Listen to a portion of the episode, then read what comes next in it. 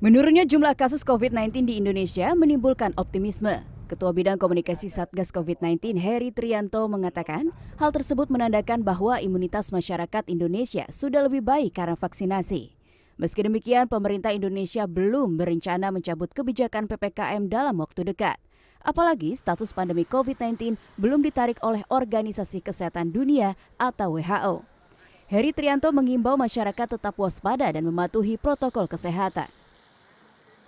Nah, ini yang sebenarnya sebagai sinyal juga buat kita bahwa uh, sebenarnya COVID-19 itu masih ada sehingga kewaspadaan itu belum saatnya ditanggalkan. Yang harus tetap dijaga, nah, salah satunya adalah memastikan setiap uh, kemungkinan terjadinya kerumunan atau interaksi yang intensif antar manusia kayak gitu tidak terjadi apa ya uh, pemburukan uh, dalam penularan gitu ya. Mantan Direktur WHO Asia Tenggara Chandra Yoga Aditama mengatakan, pelonggaran kebijakan penanganan pandemi COVID-19 di Indonesia tidak memerlukan izin dari WHO. Ia melihat kondisi pandemi di Indonesia saat ini sudah terkendali. Menurutnya, kebijakan protokol kesehatan dapat saja dilonggarkan, tetapi akan lebih baik jika kebijakan 3M tetap diterapkan meski pandemi sudah usai.